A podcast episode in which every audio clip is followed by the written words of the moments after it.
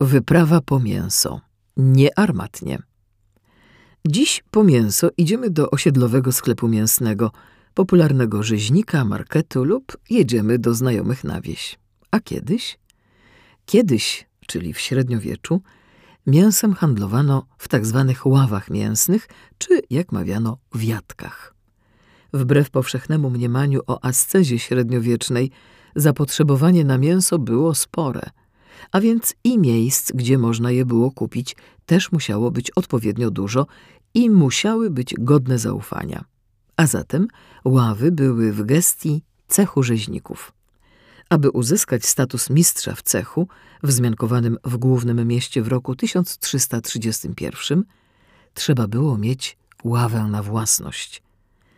Jatki rozlokowane były na głównym, starym i młodym mieście, a także na przedmieściu. Na starym mieście takich kramów mięsnych było 56, na przedmieściu, dziś zwanym starym, było ich 30, zaś na głównym mieście było ich aż 80.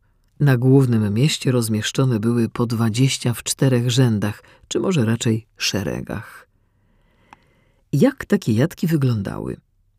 Każda stanowiła osobny kram i każda miała ruchomy blat, który w dzień służył za ladę, zaś na noc był podnoszony niczym okno zamykane od dołu.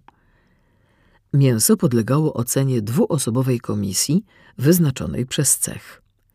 Komisja odpowiedzialna była też za cennik, który często zależał po prostu od wyglądu mięsiwa. Oczywiście, jak każdy market, także i jatki miały regulamin. Na przykład nie wolno było głośno nawoływać nabywców i zabronione było grożenie nożem. Jatki straciły nieco na znaczeniu, kiedy w wieku XVI rzeźnicy, zgodnie z przywilejem otrzymanym od króla, mogli handlować mięsem bezpośrednio w miejscu trzymania bydła. Potem zaś, już w wieku XIX, otwarto halę targową i jatki zniknęły z miasta. Wspomnijmy jatki choćby idąc ulicą Rzeźnicką na Starym Przedmieściu.